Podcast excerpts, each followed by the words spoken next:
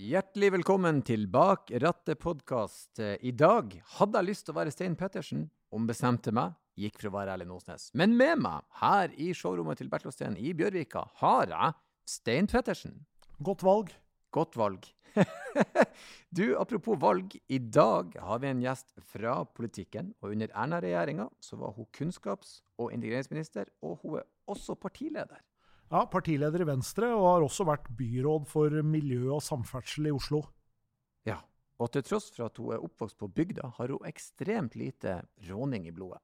Ja, men til gjengjeld så har hun en urovekkende liberal holdning til kjeks i bilen. Bare frasen 'kjeks i bil' gir meg frysninger, men dagens gjest er Guri Melby. Og som alltid så skal ikke jeg dra der noe lenger enn jeg må. Dere skal bare putte denne episoden inn i hodet og kose dere.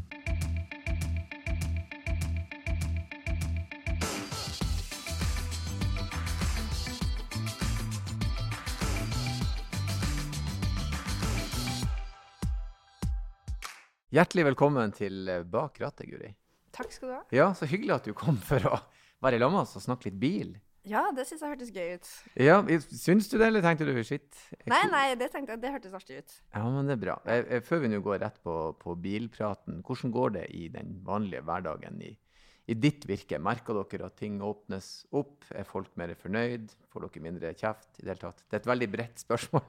Altså, jeg tror jo folk generelt er litt lykkeligere jo færre smitteverntiltak vi har, og det Mm. gjør jo jobben til oss som eh, jobber med politikk litt bedre, tror jeg. Mm. Og så kjenner jeg er jo man tenker jo på oss liksom partiledere, men jeg er jo også sjef for gjengen på jobb. Mm. Og det å få lov til å ha sine kollegaer sammen med seg på jobb, på kontoret, det betyr ganske mye. Så det har nesten vært sånn euforisk stemning i gangene vi hadde liksom kake og sånn. Så, da, så nå syns jeg faktisk det er veldig artig å gå på jobb. Mm. Men eh, ja, vi, vi skal styre oss litt inn mot uh, bil. Det er derfor du er her. Og vi, uh, si, vi har ett sånn fast spørsmål som vi gjerne prøver å plassere. Og det er er du et bensinhue eller nei? Og hvis du trenger hjelp til å få utdypt hva det ligger i begrepet, så gjerne Ja, du må gjerne utdype det, altså. Ja, OK. Da tror jeg vi kanskje fort styrer mot et nei der. Men bensinhue er Bensinhue er noen som kanskje setter seg i bilen og kjører en tur bare for turen sin del. Noen som blir glad av lukta av olje og bensin. Noen som kan høre motorlyd og tenke Oi, det er en V6-er. Det er en amerikaner. Så nei, vi da er jeg nok ikke et bensinhue. Det okay. er jeg nok ikke. Nei. Nei. Men eh, hva vi skal legge det? Halvt? Kvart Ja, altså Hvilket forhold jeg- har du til bil? Nei, jeg, jeg vet, jeg, Det hadde ikke vært utenkelig for meg å på en måte ta en biltur, nei. Det hadde ikke vært utenkelig å gjøre. Uh, det er veldig så, altså For meg så er bil frihet. Det er egentlig det som er først og fremst. Uh, og det at du kan komme deg hvor som helst hen, og så kan du bare stoppe akkurat når du vil. uh, og du ja, Om du sitter alene eller sammen med noen, uh, du, har liksom, du er litt sånn avgrensa inn i en sånn liten boble. Uh, så det er jo et fantastisk transportmiddel.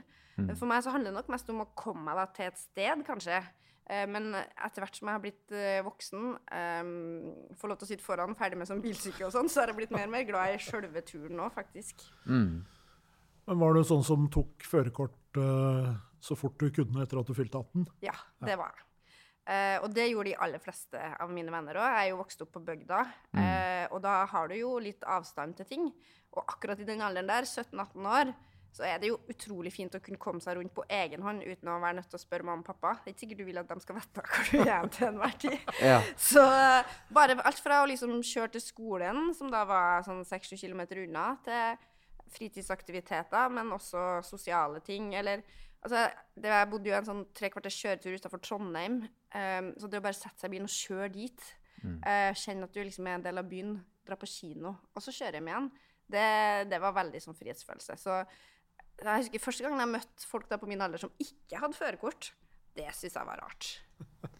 Ja, det, si, det, det skal jeg si meg enig i. Men hvordan var, hvordan var oppkjøringa? Var du på, på si, sto du på første? Flere forsøk? Det, hvordan gikk den der? Ja, jeg sto på første, men det var litt sånn på hengende håret, faktisk. Oi! Ja, og jeg husker faktisk fortsatt ennå en sånn eh, der jeg var veldig sånn i tvil om hva jeg skulle gjøre, for det var mye sånn landeveiskjøring. Der er det jo ofte fri fartsgrense. Og så hadde jeg hørt om noen som hadde liksom kjørt så veldig forsiktig og fått veldig sånn kjeft for det, så jeg tenkte ja, men det skal ikke jeg gjøre. Fri fartsgrense. Det er jo faktisk lov å kjøre i 80, ikke sant? Men den veien var jo ikke dimensjonert for det i det hele tatt. Så jeg fikk liksom påpakning med at jeg hadde kjørt altfor fort på den der landeveien. Ja. Men ellers gikk det bra. Så jeg sto på første forsøk. Ja, Så det var ikke sånn at det var da på en måte politikeren i deg kom til liv, når du måtte snakke deg til å stå? Du bare Nei, men hør nå, vi, vi snur på det her. Jeg slapp heldigvis det, altså. Jeg tror ikke jeg hadde liksom eh, guts til å gjøre det ennå da. Ja. Men Kunne du kjøre opp i Orkdal, eller måtte du til Trondheim? Jeg kjørte opp i Orkdal. Ja. Du vet, altså, Orkdal er jo en sånn oppkjøringsmekka. Der er det jo glattkjøringsbane og greier. Så uh, alle i Trøndelag kommer jo dit. så, så det var bra. Men det er klart, jeg var jo veldig god på sånn kjøring i områder som ligner litt på Orkanger og Orkdal. Ja. Uh, bykjøring hadde jeg jo litt lite trening med. Så både da jeg flytta til Trondheim og da jeg flytta til Oslo for ti år siden, så måtte jeg faktisk gjennom en litt sånn øvingsprosess. Jeg husker at jeg akkurat flytta til Oslo, så, så bestemte jeg meg for sånn, hver søndag så skal jeg ut og kjøre litt bil, bare for å bli vant med det her, når det er litt lite trafikk og litt rolig. Nå stiger du på bensinhueskala. ja, gjør jeg det? Ja, Ja, men det så så interessant. Dette liker Ja. vi å høre. Nei, kanskje vi skal vente med konklusjonen til etter Ja, podkasten. vi, vi, tar en, vi tar en oppsummering. Men, men hvordan syns du Fordi jeg har jo vært på en del sånne frokostmøter og, og hørt deg når du, når du var i byrådet og, og hadde ansvar for, for miljø og samferdsel i Oslo. Da. Og hvordan syns du på en måte den, eh, den jobben som er gjort i Oslo, hvordan har det fungert, syns du? Altså, hvis du ser sånn Oslo i et sånn 20-årsperspektiv, så har det skjedd fantastisk mye bra. Eh, og Oslo er sånn transportmessig en ganske sånn miljøvennlig by. Over halvparten reiser enten kollektivt eller sykler eller går. Eh, og bilbruken går ned. Og jeg tror at liksom, nøkkelen til det har vært satsing på kollektivtrafikk. Um, jeg tror uh, mange nesten ikke husker engang hvordan det var at du sto der med sånne rutetabeller og måtte finne ut Nå går de fleste bare ut, og så er du på en holdeplass, og så kommer det et eller annet som tar deg dit du skal. Uh, så det har blitt veldig enkelt å reise kollektivt. Og jeg mener jo Altså, som jeg sa, for meg handler bil om frihet. Transport handler om frihet. Muligheten til å reise om du skal på noe moro, eller om du skal på jobb. Uh, friheten til å bo litt utenfor sentrum, for det er lett å komme seg dit du skal. Um, sånn at et godt kollektivsystem kan være like mye frihet som bil kan være. Så det viktigste for meg er at uh, folks mulighet til å komme seg rundt er stor. Og det vil jo si at noen ganger er det sykkel og gåing, noen ganger er det kollektivtransport, og noen ganger er det bil. Og en ting, altså ofte folk liksom Ja, nei, det her liker ikke bilistene, eller det her liker ikke syklistene. Altså, er ikke de fleste begge deler? Jeg er i hvert fall det. Uh, så vi bytter jo litt på. Uh, men det er klart, utfordringa med biltrafikk er jo sånn tradisjonelt at det har gitt mye utslipp, støy, og det tar plass. Så i en by som Oslo, der vi har blitt stadig flere, så må vi begrense det. Men etter hvert da, så blir jo utslippa forsvinner jo, og støyen går jo betydelig ned. og da er det jo egentlig Det blir jo egentlig plass og Hva skal vi si eh, som, som til syvende og sist blir fordi det hjelper jo ikke En, en svær elbil tar jo opp like mye av byrommet. Det er ikke noe, det er ikke noe hyggeligere å gå langs gata og det står en svær elbil parkert der, eller om det står en stor dieselbil. Så, så det er jo også en litt sånn prinsipielt valg om hvor vi vil ha biler i byene. Ja, enig. Og vi er, støtter jo linja at vi skal gi mindre plass til bilen, for dermed å ha mer plass til mennesker, syklister, kollektivtrafikk. I hvert fall når du snakker om sentrale strøk i Oslo. Eh, Men det er klart, den, eh, altså den eh, revolusjonen vi har hatt med fossilfrie biler, da, som gjør at du faktisk kan kjøre uten eh, CO2-utslipp, det er jo også kjempebra for nettopp å sikre denne friheten. For det er ikke alle ting det passer å ta T-banen til. Hvis jeg skal ha med meg tre unger på skikurs på Skullerud, så syns jeg det er veldig fint å ta bilen.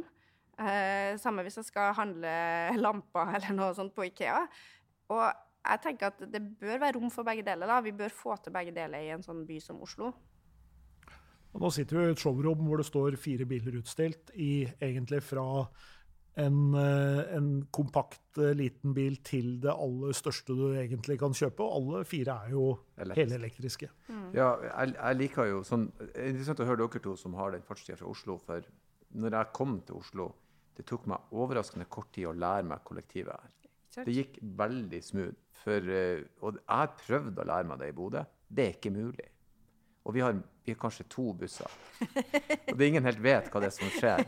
Eh, sånn at det er klart, eh, et godt kollektivtilbud må være der. Og så sånn, det du sa, Stein, om støy og sånn, og forurensning av lufta, vi gikk over til elektrifisering av bussene i Bodø. Det, det lille grepet der merkes på bybildet. På støy, på lukt, på svevestøv, på alt. Sånn at, men det er klart, tradisjonelt sett så er ikke folk glad i forandring. Nei.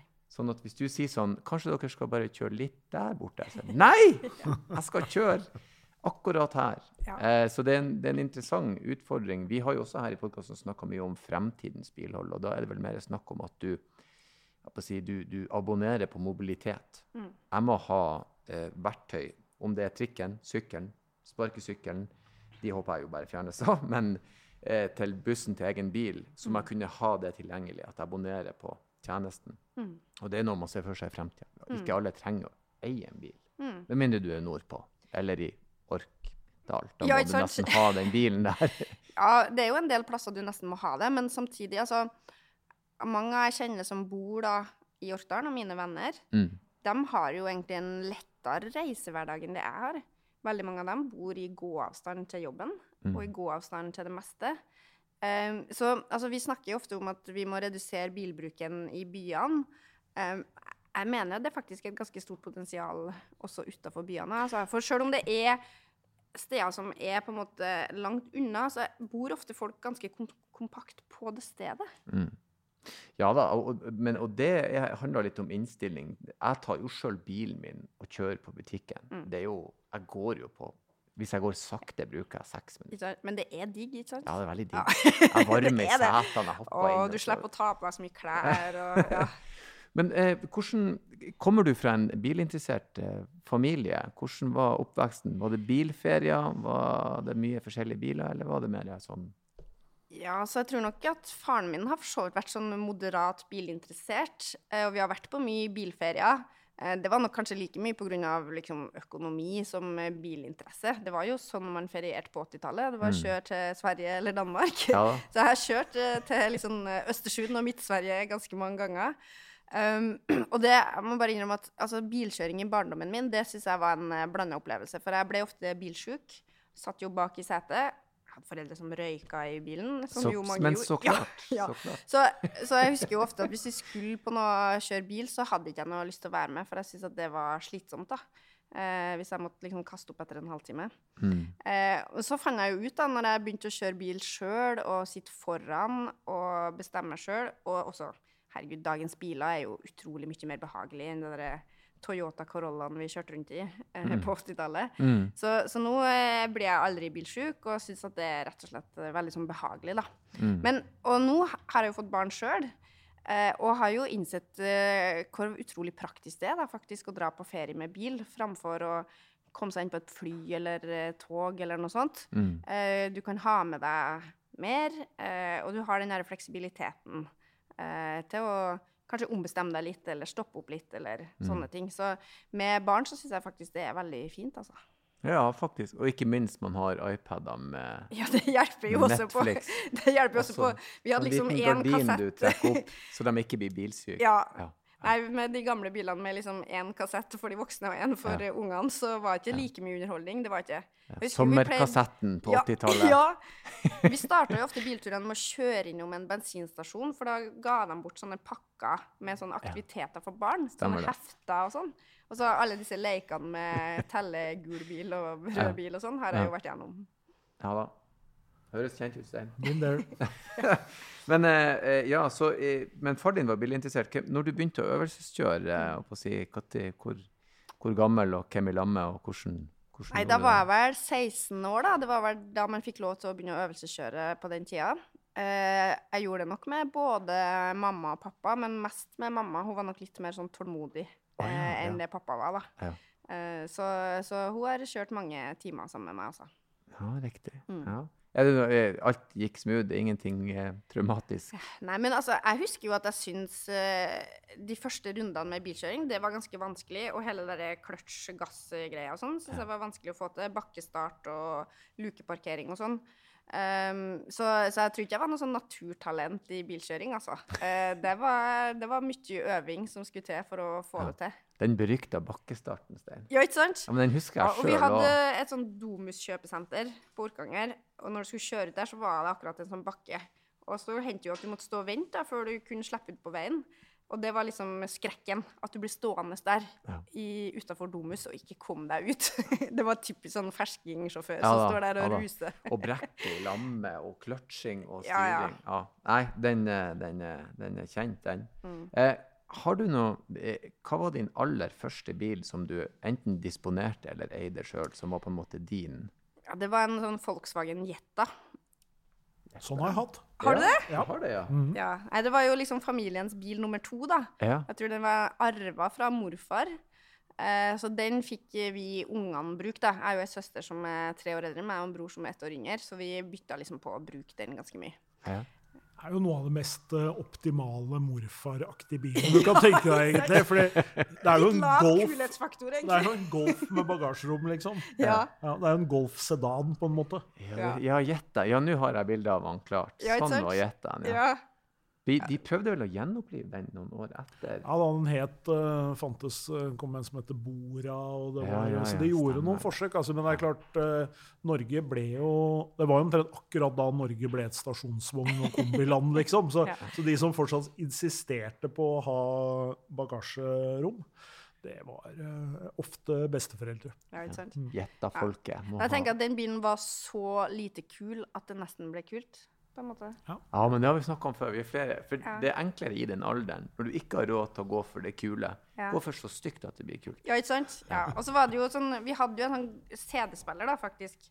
Eh, men du, vi hadde jo ikke sånn CD-skifter og sånn, og du kan jo ikke holde på med det der. Så jeg husker jeg hadde én CD inni den bilen veldig lenge. en sånn Alanis Morissette-CD som jeg fikk til 18-årsdagen min. da. Jagged Little Pig. Yes! Ja da! Så det er den jeg liksom Jeg forbinder den med bilkjøring. Ironic. Ja, ja, ja. Og det er så mye bra låter på den. ja, ja, den er veldig. Ja. Men eh, så den eh, Jeg har sunget mye til den i Jetan. Men hun var jo noe helt annet når hun kom, bare for å ta den avsporinga. For hun var, hun var morsom, hun var frekk, hun var syrlig. Helt annet enn de andre damene på den tida. Ja, Når, det, når hun Ja. synger hva hun gjør med han duden i kinoen, da, uten å gå Alle har jo hørt den sangen så mange ganger. Så husker jeg tenkte det her er, jo, det her er noe helt annet. Dritkult. Ja. Så jeg hører enda på henne når jeg Ja. liksom du, nå fikk jeg en sånn Mimre litt. jeg, nå skal jeg gjøre det, jeg òg. Ja. Neste gang jeg kjører en biltur, så skal jeg høre på Alanis Morissette. Ja, men så bra. Eh, Volkswagen Jetta, ja. Det er ingen dårlig bil. Hvordan, hvis, du har jo kjørt bil da siden du var relativt ung, eller så snart du fikk lov. Mm. Hvordan er du som sjåfør eh, med tanke på, eh, si, er du, Tyr du til road rage? Kan du bli ordentlig forbanna og kjefte og smelle? Eller er du veldig sånn som du er som politiker, at du, du er raus, la, meg ta denne praten med deg, så skal vi Vet du, jeg eh, Helt til jeg flytta til Oslo, så tenkte jeg at jeg var en ganske sånn rolig og lugn sjåfør. Kjøre rundt i Trøndelag, det, det går rolig for seg. Det er liksom ikke noe å hisse seg opp over, egentlig. Ikke i Trondheim heller. Um, og jeg husker liksom, når jeg kom til Oslo, så ble jeg ganske sjokkert over eh, aggresjonsnivået i trafikken her. Og litt sånn, ikke bare, men sånn den hissigheten. Folk er veldig sånn på, da. Um, og så skjønte jeg etter hvert hvorfor. Uh, for du må være litt på. Uh, du må faktisk være litt sånn frekk noen ganger. Eh, du, må liksom, du kan ikke bare sitte og vente til absolutt alle fotgjengere har gått. Du må liksom prøve å snike deg over det krysset og ta den luka og sånn. Så nå har jeg nok blitt litt prega av mine 10-11 år i hovedstaden, altså. Ja. Så jeg er litt mer sånn på hugget. Og det hender nok at jeg liksom kjefter for meg sjøl inni bilen der. Eh, og har sikkert slengt meg på hornet et par ganger også. Ah, så det kan både gloser og horn Ja, ja, ja, det kan komme, det, altså. Og, og fløyta, da er du ganske fremme i tøflene når Ja. du liksom Du må høre hva jeg syns om det der. Ja, jo, jeg tenker at man skal si fra, da. Og, men det, også, klart, det som er aller verst, er jo når folk eh, Altså, folk som kjører f.eks. altfor fort, da. Jeg har jo også kjørt mine runder liksom, gjennom Østerdalen fra, eh, fra Trøndelag til Oslo. Der er det mye råkjøring. Det blir jeg jo ordentlig forbanna på. Mm. Ja, der, eh, der òg. Men det tror jeg kanskje er en aldersting. Ja, kanskje. Ja, Jeg har blitt der har så jeg tatt gammel, det ja. Jeg vet ikke hva du mener, Steinar. Det er nok det, men det er nok fortsatt ganske mange godt voksne, kanskje særlig menn, da, som eh, aldri helt eh, slutter med å tenke at eh, hvis jeg kjører eh, litt fortere enn alle de andre, så kommer jeg litt fortere frem. Og det, Det- er, jo, er jo en risikoøkning, det er jo ikke noen tvil om det. Det er ikke noe tvil om det.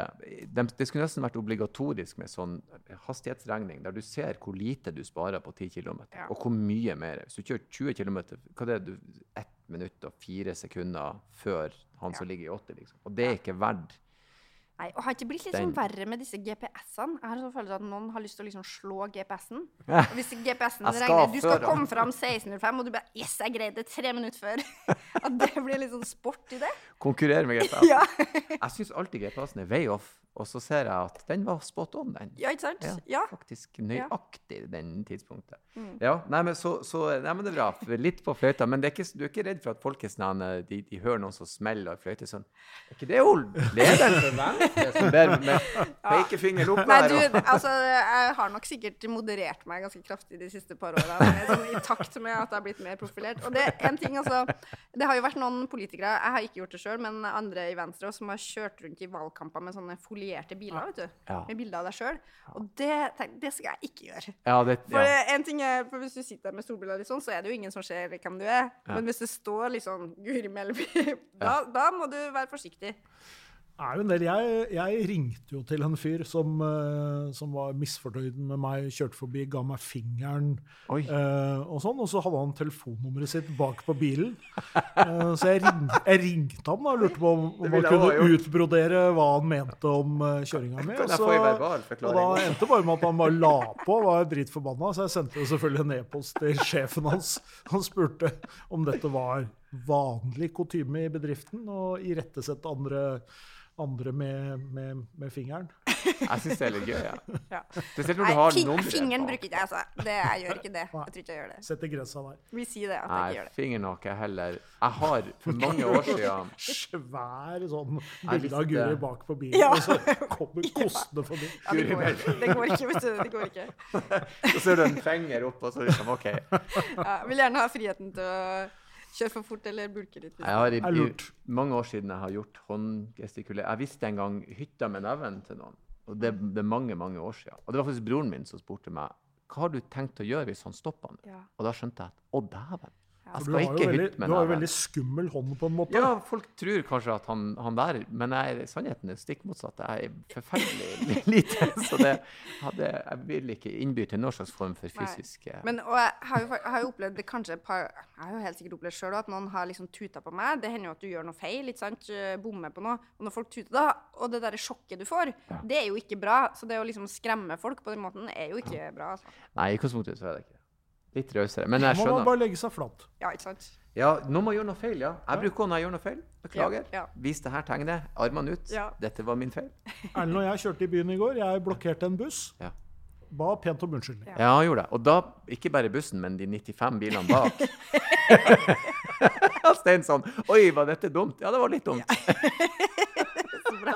Han var ikke jeg beklager. Ja. Og faktisk så var jeg folk Det var ikke noen som fløyta. Nei. De så at han skjemmes. Ja. Ja. Nesten noe sånn Alle kan kjenne seg igjen. Så han trykk, så blir sånn be, Beklager i bokstaver. Sånn, Ja, ja, ikke sant? tak sånn, Ja, kanskje beklager. det hadde vært en effekt, ja. Som kommuniserer. ja.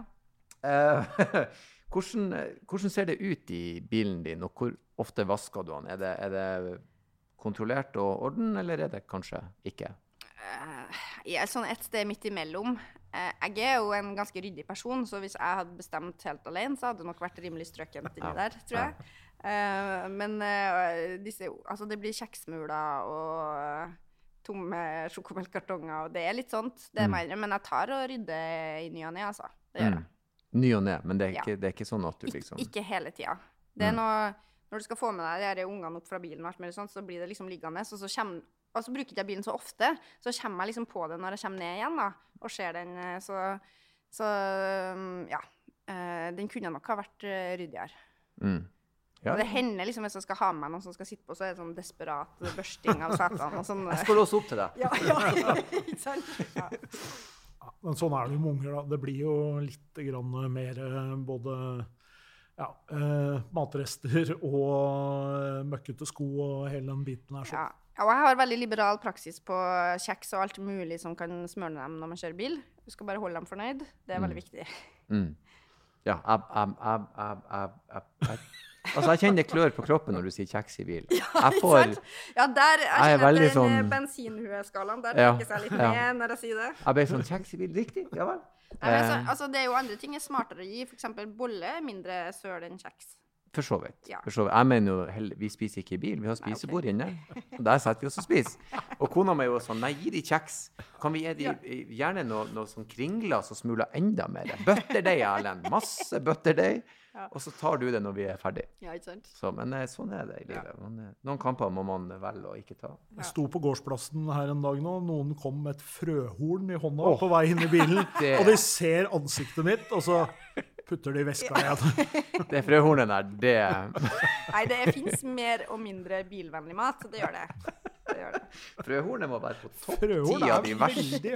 Altså. Ja. Um, hvordan er du på Er du handy av deg? Fikser du ting på bilen din sjøl? der er det en ting jeg skammer meg over, hvor utrolig lite handy jeg er på mm. alt, altså.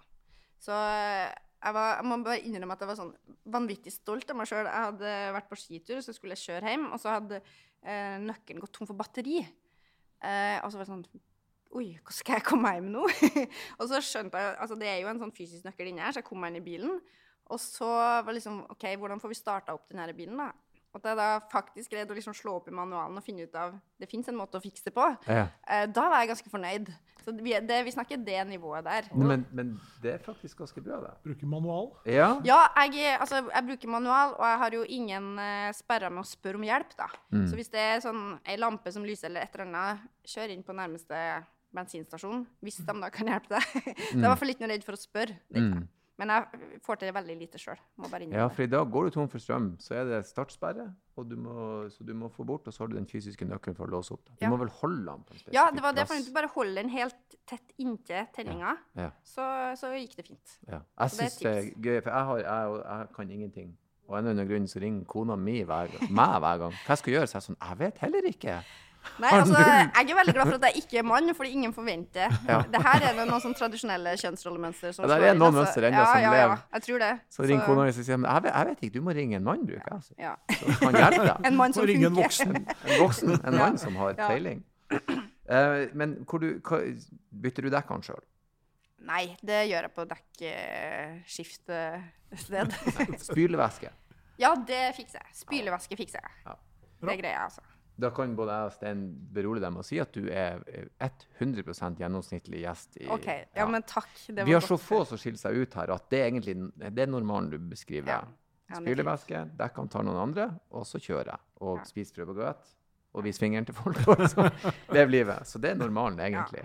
Men jeg har faktisk en ambisjon om at det å skifte dekk, det har jeg lyst til å gjøre.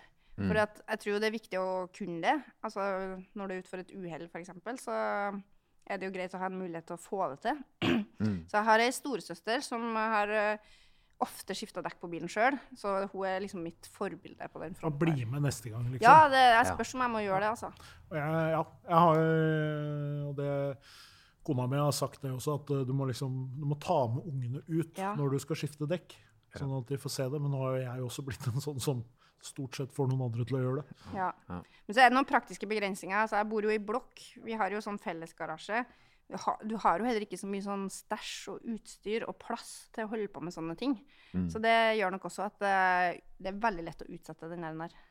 Ja da, og det er jo ikke noe sånn, eh, Når man bor sånn mange sammen også, så er det ganske greit at eh, ikke alle lagrer rekkene sine inne der. fordi at Ja. eh, det er jo ikke så veldig bra heller hvis det skulle begynne å brenne. eller et eller annet, Så det er ganske lurt egentlig at det er plassert på et sted hvor man har hvor det er lagt opp til at man skal ha dekk. da. Så det er ikke noe dårlig løsning, det. altså. Så må vi vel også kunne si at hvis du klarte å finne ut det med startsperre og nøkkel, så klarer du å fjerne fire hjulmuttere og ta av det hjulet der og sette på en jekk. Det er ganske enkelt. Det står i i instruksjonsboka. Ja, ikke sant? Ja, det har manualen. da. Jeg tror nok det er litt at jeg er litt redd for at jeg skal gjøre noe feil. Altså Hvis du ikke får festa det riktig og et eller er annet sånt skulle skje. bra. Jekken har et sånt spor, og det er et Ja. spor i kanalen, og du, det der, det Ja. Nei, du får komme og vise meg. Ja, ja vi får ha en sånn en der demo. eh, etterpå. Kan ta en Det demo blir her etterpå. oppfølgerepisoden, det. Skriv oss rett på Ja, etterpå. ja, ja. Um, skal jo også sies at veldig mange nye biler i dag de har jo verken reservehjul eller jekk. Nei. De har eh, kanskje et sånt lite sånn reparasjonskit med, Ja. som du sprøyter, og hvis du ikke får til det, så er det bare å ringe en, Ja. en voksen. Ja. Da kommer de med en sånn bil, og så fikser de Laff det. eller falsing eller viking. Eller. Ja. På en, hvis vi skulle sett for oss en skala fra én til ti, der én er den mest horrible sjåføren som finnes, og ti er den mest ansvarlige, beste, forutseende, planleggende trafikanten, hvor hen på skalaen plasserer du deg, og hvorfor plasserer du deg der du gjør? Ja, det var et godt spørsmål. altså mm, Men du tenker mer da på liksom at du er liksom ansvarlig og skikkelig, mer enn på ferdighetene dine, eller? Ja, og ferdigheter òg. Ja. ja. Men det er veldig mange som ofte tror at hvis du kan slenge brekksleng, så er du Mm. liksom en bra sjåfør. Men det er du i utgangspunktet ikke. Nei, nei. Jeg vet ikke. Ja, Stein rister på hodet, men i utgangspunktet så er ikke det det som gjør deg til en bra bilist. Nei. Altså, jeg regner meg sjøl for å være en habil bilist, altså. Mm. Og jeg har jo knapt nok vært borti noe uhell. Seks, sju, kanskje? Ja. Her, her, er- dette er også sjelden eh, innsikt. eh, Legge seg lavt. Veldig ja, ofte så ligger folk på ni og ti. Ni, Ja. i Vi hadde ni fall. og en halv i går. Ja, Ok, ja, å ja, ja. ni og en ja, Ni og en halv, da er det null rom for forbedring. Nei, okay, Ja, nei, jeg, Hadde hatt altså, lappen i, hadde hatt lappen i fire år Ja, og var år. allerede på ni og en halv. Ni Ja, og men en jeg, skal, jeg skal innrømme en svakhet. Altså skilt. Eh, særlig en del sånn skilt som du ikke er borti så ofte.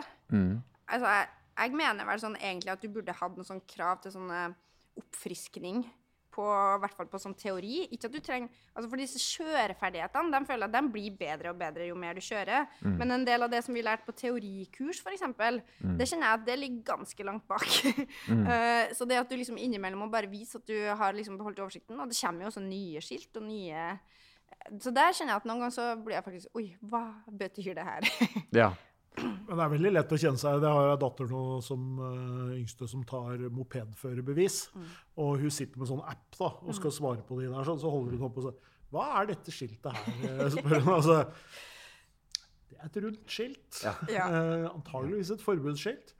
Tror det, for det er veldig så spesifikt hva det betyr. Ikke sant? Det er en sånn helt eksakt beskrivelse. og Disse sånne kjøre, sånne um, førerprøvegreier er jo litt sånn lure. De skal liksom få deg til å Du må, må svare helt riktig. Så jeg er helt enig. Det kan godt hende at man burde hatt liksom hvert tiende år, så burde man hatt en sånn liten sånn sjekk. Faktisk en kjempeidé. Ja. Det var nesten skremmende å se hvor utdatert jeg var. Jeg tok motorsykkellappen i fjor, og da måtte jeg ta teorien. Og da tenkte jeg jeg kan jo ingenting. Jeg begynte med den appen Mm. på nytt. Jeg bare sånn, Dette burde jeg jo ta. Jeg kjører jo bil. Og så Ja. sånn Oi, jeg strøk. Så Bremselengder. ja, Ja, ikke sant? sang etter. Ja. Ja, og sånn trafikkregler endrer seg jo. Ja da. Det er jo ikke Men sånn at det er kan dere se for dere den stormen hvis f.eks. venstrelederen står frem og sier vi har fått gjennom at alle skal retestes på lappen? Da det, Og det er vinnersak Det rett, ja, før, valget. vinnersak rett før valget. Ja, ja. Dere hadde stupa. Nei, nei, jeg vet det. Det vil ikke folk være med på. Nei. Det er en grunn til at jeg bare sier det her litt sånn høyttenkende, og at jeg ikke har foreslått det. Vi skal, vi skal prøve å Vi finne kan ha en frivillig ordning, da. Ja. Det kan man ha. At du får, ja. du får en sensor eller noe som liksom godkjenner eller En, ikke. en dag med glattkjøring Ja, og en dag med litt teori. ja, det syns jeg hadde vært fint. Det hadde vært supert. Ja, og ikke minst glattkjøring, som du sier. Altså, hvis at du, det kan være perioder du ikke kjører så mye på vinteren. Du mister liksom litt de ferdighetene der. Mm. Ja. Du kan jo le litt om en del sånne amerikanske, store amerikanske selskaper og sånn. De har jo sånn du må, du må gjennomgå et kurs for å få lov å parkere i parkeringshuset, liksom. Ja. Du skal vise at du kan kjøre ut og inn på parkeringsplassen og rygge deg og HMS i, her oppe. Mm. Så, men kanskje man skulle hatt det på et litt sånn mer sånn litt lavere Ja. nivå. Mm. Men og en annen ting som jeg setter utrolig pris på i dagens bilteknologi, er jo ryggekamera. Åh. Altså, Jeg var helt elendig på sånn lukeparkering. Husker rundt oppkjøringa. Det var liksom store skrekken. Mm. Skulle bli bedt om å lukeparkere. Mm. Nå er det jo ikke noe problem i det hele tatt. Mm. Ja, lukeparkeringa var også en, en nemesis. Mm. For det var sånn, og alle måtte kunne det. Ja, ja. Ja. Men med ryggekamera er det jo faktisk ganske greit. Mm. Ja, ja, ja. Ryggekamera. Jeg har en sånn knapp på der bilen parkerer for meg. Så det Er det sant? Ja, det er helt nydelig. Oi. Helt nydelig. Ja. Men vi skal prøve å gjette eh, hvordan Den knappen har jeg aldri brukt. Jo, én gang. For å sjekke om han kunne det. Ja, ikke sant? Men det var altså så skremmende. Ja. For det var sånn Å, herre, hvor rask han er! Hva som skjer? Du, rattet går jo bare. Så du tenkte det her er sykt skremmende. Ja, vi hadde sånn test en gang vi hadde masse bilselgere på, på kurs. Da hadde vi lagd en sånn løype hvor de skulle gjøre forskjellige ting. Og en av de tingene var å bruke den eh, funksjonen for å parkere bilen selv. De visste jo ikke hvordan de brukte den, de hadde aldri gjort det. De var jo stort sett menn, eh, 35 pluss, liksom. De trengte jo ikke noe hjelp til å parkere. Men eh, det er jo dumt å ikke vite når du skal vise det til kundene. da. Ja, ikke sant? Men det er klart, hvis du mener at du sjøl er liksom 9,5 er på en skala fra 10, så trenger ikke du noe knapp for å rygge. Altså, jeg har noe knapp. Ja. Nei, nei, nei. Eh, vi skal prøve å finne ut hvilken bil du kjører. ja. Og vi har, eh, vi har jo eh, Vi har jo noen eh, spørsmål vi bruker å, å eh, stille, og så prøver vi å resonnere oss frem. Eh, Vi har en bra treffprosent. Stein i alle fall. Kanskje litt bedre enn meg. sitter litt inne og sier akkurat det, da, men, men vi bruker å, å klare det. Og, og, men du har vært overraskende flink og ikke nevnt noe om hvilken bil du har hittil.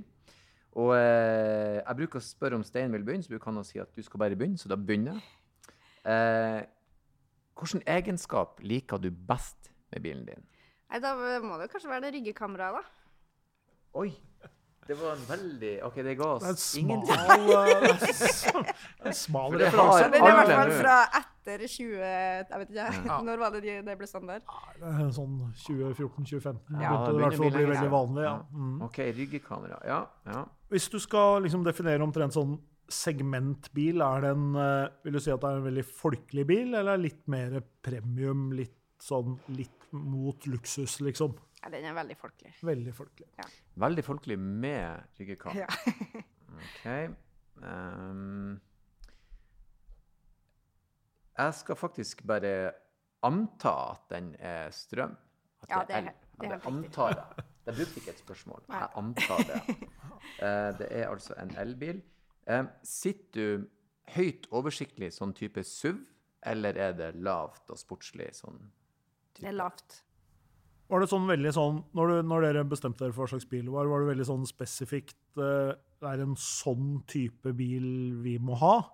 Eller var det fordi at dere Eller var det at den skulle være elektrisk, var det det viktigste, liksom? Eller hadde dere en, sånn, hadde dere en veldig sånn god plan for hva slags bil dere skulle ha? Det måtte være en elektrisk bil, ja. Ja. Det var liksom hovedkriteriet. Uh, og så var det jo noen andre kriterier den også skulle oppfylle, da. Så det var først og fremst L som Ja. gjorde det. Vi skal prøve å finne ut hvor hen ifra bilen din kommer. Mm. Eh, er, det en, er det en europeer, eller en amerikaner, eller er den ifra Asia? Den er asiatisk. Asiatisk. Ja. Elektrisk asiatisk bil. Med ryggekamera? Med ryggekamera. Toyota kom nylig med, med fullelektrisk, så den skal jeg skyve til side. Du har Nissan, Ja. som da er Nissan, Kia og Hyundai er jo liksom Ja, Nissan, Kia, Hyundai. Hyundaien kom jo først med Ioniq 5 og den forrige. Ja, den har vært noen år, den ja. forrige. Mm. Ja, den har vært noen år. eh, het Men hun så satt lavt. Jeg Ja. går litt mot Nissan. Ja, vi har jo hatt Leaf-sjåfører her før, men eh, tre barn. Ja, det er trangt i en liv. Er det en bil som har sånn type sånn skrå bakluke, eller er den litt mer sånn uh, rett bak? Den er skrå, ja. Den er skrå, ja. Ja, du kan prøve, du. Skal vi, vi, skal vi bare ta sats? Og, men det er litt, liten rekkevidde. Men eh, det kan jo hende nok. Hun kjører jo rundt på Eh, Kjører du en Nissan Leaf? Det er helt riktig. Ah! Joint venture mellom Erlend og Stein. Nå er vi gode. Ja, Ja, det synes jeg og det er andre Leaf-sjåføren vi har Ok. eh, Ja. på ganske kort tid nå. Ja. Ja. Nissan Leafen er jo den på en måte Hva vi sa i går? Mora til alle Ja. elbiler som folk begynte å kjøpe. ja, for den er jo, begynner å bli noen år gammel nå. Hvis jeg husker riktig, så var det vel kanskje i 2014-2015. Så er det en ganske tidlig generasjon. Så den går ikke sånn Den har- kjempelangt. Nei. Så øh, den har øh, relativt kort rekkevidde, og det var det egentlig litt sånn hovedproblemet med den. da. Mm. Funker kjempefint når du skal på ting her i Oslo. Mm. Uh, vi har kjørt langturer med den. Har kjørt til både Trondheim og Sotra og forskjellig. Men Mm. eh, da må du ha mange stopp. Ja, for da er det sånn, det er sånn 15 mil, liksom, Ja, eh, maks. Men jeg, jeg husker jeg tenkte en gang at eh, en, en sånn elbil har omtrent like ofte behov for stopp som de ungene som sitter inni den. Så Ja. det er ikke så dumt, egentlig. Ja. Og den lades ganske raskt, da. Eh, så, men det er klart eh, Vi har hatt noen sånne turer liksom opp eh, fra Vestlandet opp til Hemsedal og sånn, der det var liksom OK, nå er det litt for langt til neste lader. Så jeg, har, jeg vurderer faktisk å oppgradere. Ja. Det har jo skjedd eh, ganske mye da, på, på de årene, så ikke minst på rekkevidde. Så Mm. nå finnes det jo veldig, veldig gode alternativer. Og så tenker jeg at det, det er alltid fint å komme fra eh, For de som var liksom litt sånn semi-early movers på, Mm. på elbil, så har man liksom så har man jo vent seg til litt av rutinen og sånn. Og så vil jo egentlig alt du kjører etterpå, vil jo overprestere i forhold til det du har vant Ja, til. ja, Så det er positivt sånn, da. Ja. Men hvor lenge har dere hatt den? Driver dere vurderer å bytte ut? Ja, jeg tror om det var 2014 eller 2015, jeg husker ikke helt. Mm. Jeg var jo sånn, skulle på eh, påskeferie til Trøndelag og fikk bilen sånn én dag før. Var skikkelig urutinerte elbilsjåfører. Mm. Og jeg kom til Dombås og innså at nei, her var det ingen hurtigladere, her var det bare vanlige ladere. Så da ble det seks timer på Dombås og sånn. Så, så vi har hatt våre runder med den der, altså. Så jeg kjenner at akkurat det med rekkevidde og litt mer plass skulle jeg gjerne hatt. Så hvis dere har gode tips, så er jeg veldig åpen. Vi kan ta en runde etterpå, vi. faktisk, Men bare sånn helt umiddelbart tenker jeg Ja. på Kia sin nye, som Ja. lader veldig veldig fort. Bra rekkevidde. Faktisk litt større enn Nissan. Mm. Ser veldig bra ut. Gunstige priser. Tror det er en uh, Ja, ut. Ja, med ditt fjes på sida. Nei, ikke det, ikke det. Og så kan du ha sånn tekst med, med hva du syns om kjøringa mi. Ja, jeg skal vurdere det. Men eh, nei, men jeg skal sjekke ut den, altså. Men det som Stein sier, her er masse fine alternativer Mm. Og så har jo også En stund så var det jo enten Nissan Leaf eller svær luksus-SUV. Ja. Mens nå har det segmentet mellom blitt veldig fint fylt Ja. opp fra flere eh, bilmerker. Jo, altså, det er jo veldig mye venstrefolk som kjører rundt i sånn Tesla, og de er jo bra og populære, men jeg bare greier ikke å se meg sjøl i en sånn bil. Vi blir veldig glad for å høre det. Jeg, blir glad for det, for jeg syns alle har en Tesla. Det er som en iPhone. Jeg er ikke imponert lenger. Ta det bort. Jeg bryr meg ikke. Nei, og jeg har ikke noe behov for det der veldig sånn sporty looken, da. Det er Nei da. Men det er klart at eh, det er jo, bil er jo ikke bare transport. Det er jo også litt eh, altså Det kan jo være status i den ene, men det er jo også ganske mye identitet, liksom. Sånn at Mm. man, det sier jo en del om folk hva slags bil som står parkert utafor huset. Så det er jo lov å tenke på det òg. Ja Det er lov å tenke. Venstre, Det- venstre Merk den dem er det, mer Osnes. folkelig Ja, jeg enn du skulle meg tro. Ja. Jeg kjører en betent bil, uten å si okay. noe mer enn Nei, nå må du si hva det er for noe, da. Eh, nei, de fleste forbinder eh, den bilen med at han som kjører den, ikke er forferdelig sympatisk. OK. Det, en, BMW? en, nei, en kompis verre. Ja. Eh, vi hadde en gjest her som beskrev at i øyeblikket han fikk en sånn bil, så sluttet han å bruke blinklys og kjørte sitt svin. Eh, og fire ringer i grillen og én bak rattet, en null bak rattet. Så det, jeg kjører en Audi. Men vi er i ferd med å gjøre noe med det. Så, og jeg får mye tyn for det. Okay. Så, men, eh, men eh, sånn er det. Sånn er det. Navnet skjemmer ingen, bruker jeg å si. Nei da. Vi, eh, vi har også et, et spørsmål, og det avhenger litt av på en måte eh, graden av bensinhue. Men la oss si at penger er ingen option. Du kasta inn din kupong på fredagen i euro-jackpoten, og så klappa det inn 946 millioner norske kroner på din konto. Og da tenker du eh, jeg må ringe de venstre og si at jeg slutter? Nei da. Nå er jeg ferdig, jeg skal kjøpe ei sydasøy. Nei da. Men så du kan kjøpe deg bil. Penger er absolutt ingen option. Du kan velge fritt. Hva går du for? Nei, det må være en eh, elbil. Det må Ja. være. Både fordi at det ikke har utslipp, men også fordi at jeg har veldig god erfaring med elbil. At det er veldig fint å kjøre det. Mm. Bare det at du da lader hjem istedenfor å kjøre innom en bensinstasjon, f.eks., er utrolig praktisk. um, og det er klart, jeg ønsker meg da, sammenlignet med det jeg har nå, så ønsker jeg meg jo en bil med større rekkevidde og bedre plass. Mm. Um, men nå er jeg jo altfor lite oppdatert på liksom, hva de nye modellene er og sånn. Uh, så så jeg, som sagt, jeg er jo et godt offer for enhver bilserie, Du, egentlig. du kan kjøpe deg en fem-seks sånne EQS. Ikke sant? Eh, for da har du rekkevidde i Det er jo sånn regjeringsbil, så Ja, sånn Det der er jo en, en partileders bil. Så Ja. Se på den. bak på høyre side der. Altså, disse regjeringsbilene er jo Jeg må jo bare innrømme at det er veldig komfortabelt. Det er stille Ja, og men- men- Ja, det er som en sånn båt, liksom. Ja, hvordan er det å sitte i de? Er ikke det litt kult når de kommer? Du må jo føle at nå er jeg her. Nei, først og fremst, altså, når jeg da har det der min, min Nissan-liv, og jeg var i nabolaget mitt, og det kom en sånn, et flak av en bil og henta meg, så var det først og fremst pinlig. Med Så tjukke ruter. Ja, ja, ja. Og ungene liksom står rundt og stimler og ser på det her. Og ikke minst den der sjåføren som går ut og åpner døra. så, så jeg syns at det var litt sånn ekkelt. Men når du først sitter inni der, og de er veldig behagelige, eh, liksom flyter veldig sånn De er jo tunge, ikke sant? mm. sånn pansra.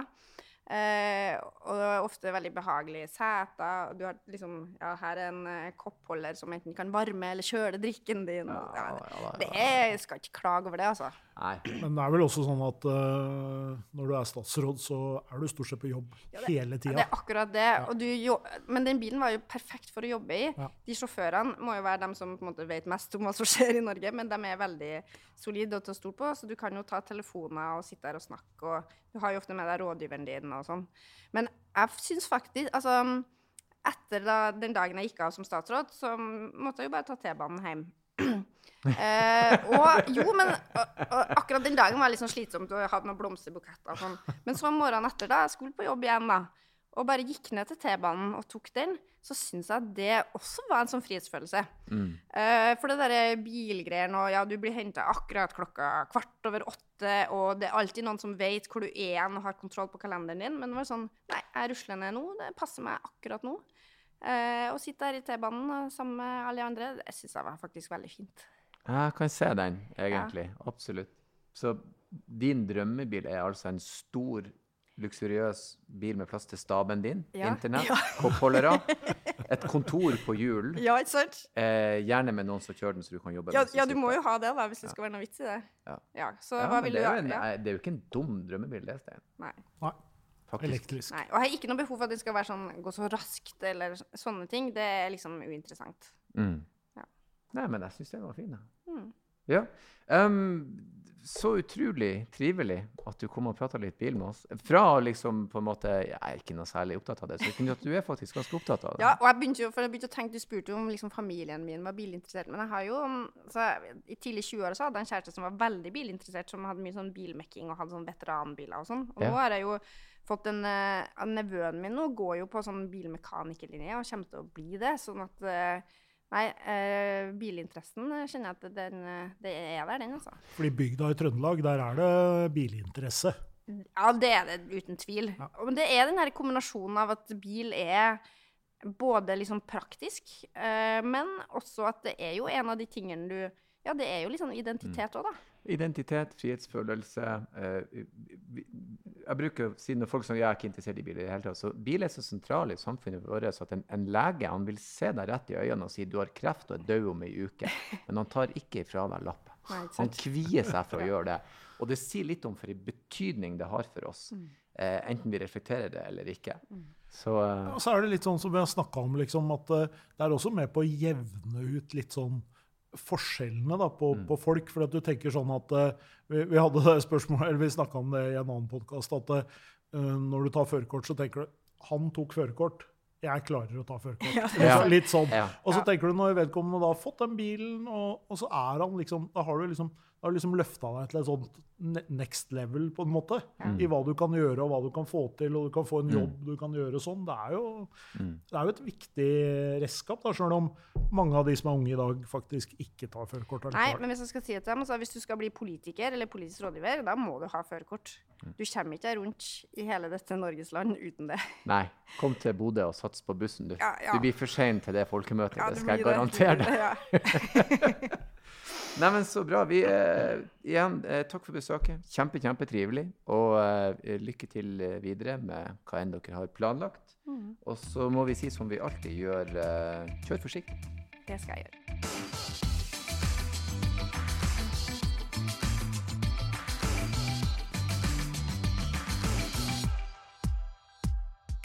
Hei, hei, hei, stopp! Det er ikke ferdig ennå. Ikke skru av. Det er bare jeg som hiver meg på og ber dere om følgende. Hvis dere vil ha gjester, hvis dere vil komme med kommentarer, hvis dere har spørsmål, bruk endelig vår e-postadresse som er bakrattet.bos.no.